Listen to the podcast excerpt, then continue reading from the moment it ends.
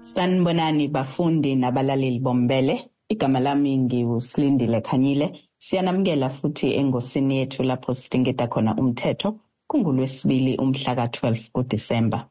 Emasontweni amabili edlule, inkantolo okudluliselwa kuyona amaqala eBloemfontein ilahle i-ANC ngecala yavuma nayo ukuthi kufanele idlelwe izimpahla ngoba yehlulekile ukukhokha u-102 million rand wenkampani eyayiyenzele izingqondo zokukhankasela ukhetho ngo-2019 i-ezulwini investments.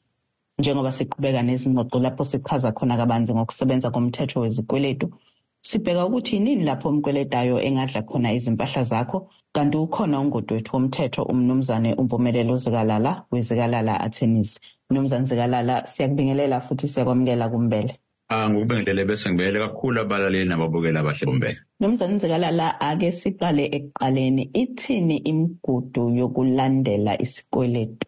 Umgudu wokuqala kuba ukuthi umuntu kumbhalela incwadi lesibiza ukuthi letter of demand uthi hayi ngiyakukhumbuza njalo ukuthi ngiyangikweleta uma ngabe ngayiphenduli bese uthi hayi-ke senginikele enkantolo kuye kudiphende-ke nenani lemuntu akweleta ngalo ukuthi lithini. Uma ngabe kungaphansi kwa-twelve thousand if I'm not mistaken uyakwazi ukuye endaweni le sibiza ukuthi small claims court. Yinhle ngani le? Uzokwazi ukuthi uyingenele ummeli engekho ukwazi ukuthi uyikhulumele wena inqubo nje uma nobufakazi ukuthi ukweleta kanjani. Yize bezokudinga-ke ukuthi awuhambe uyovakashela isikhonza senkantolo lesi sesibiza ukuthi sheriff makuthiwa usufaka ama-submissions akho khona uzokwazi ukuthi umuntu umnikeze notice kahle kodwa omningi uyakwazi ukuthi uzenzele. Kodwa ma kuyinani elingaphezulu njengaleli kade ulisho ekuqaleni ubusugijimela enkantolo ukhipha amasamanisi amasamanisi wona-ke azobe sebeka udaba lakho ukuthi sayakweletana nini sasivumelana ukuthi akwenzakaleni sasizokhokhelana kanjani ayindaba kungakhokhwanga noma kukhokhwanga and isikweletu siyakhuphuka ngendlela esikhuphuka ngayo. Udaba libe seliyangena-ke enkantolo bungeneke ubufakazi. Ubufakazi buzoba khona. Omunye uzothi ayi ngisazi lesi sikweletu omunye athi hayi ngeke ungasazi.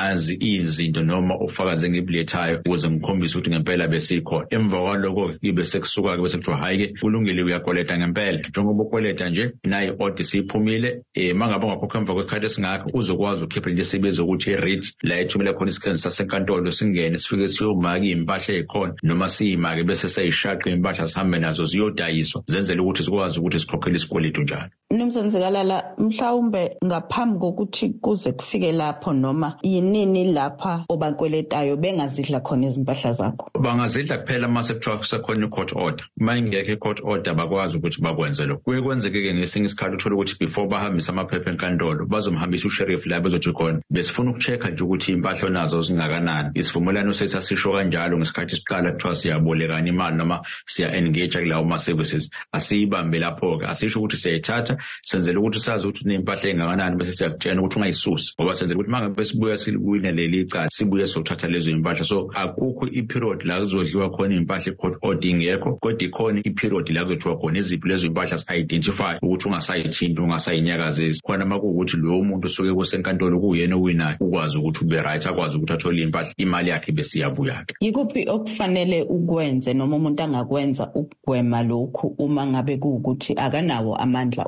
ukusikhokha isikweletu. Ukukhuluma nomuntu osuke umkweleti ngiyacabanga ukuthi inkinga iqala la mase kuzoba khona abaziba nani uma becrossana. So kubalulekile ukuthi uphindele kuyena bese uthi cha angukrossile ave ukuthi ngiyabaleka nayo inkinga engisabhekane nayo. Singa-extenda kanjani? Yiphi enye i-agreement esingakwazi ukuthi singene kuyona ukuthi sibone ukuthi sikhokhelana kanjani? Noma ngabe kuthiwa icala seliqalile futhi if ungenayo i-defense uma usaphela ukuyihlupha ukuthi uzame ukulwa ngama-technicalities ngoba uyazi kwavele ukuthi lowo muntu uyamkweleta. Ayikho into edlula ukuthi kuhlale phansi kuxoxiswane kubonakale ukuthi yiphi indlela lesi sikweletu esingakwazi ukuthi siqedwe ngayo ngaphandle-ke uma kuwukuthi ukholele ukuthi lo muntu wakuboleka imali wa-engage entweni ekuthiwa i-reckless lending eyithanda ukuthi ibe nzima ukuze ukwazi ukuthi uyiprove. Neyenkantolo futhi engajwayele ukuthi kunikeze leyo ngoba isuke ithi awu wena ubuthatha imali ngoba bwazi ukuthi ekugcineni kosuku uzothi lo muntu ube yi-reckless lender. Hayi asikuvumeli ngale ndlela okwenza ngayo. So kubalulekile nje ukuhlala phansi nixoxisane nibone ukuthi udaba ningaluresolva kanjani.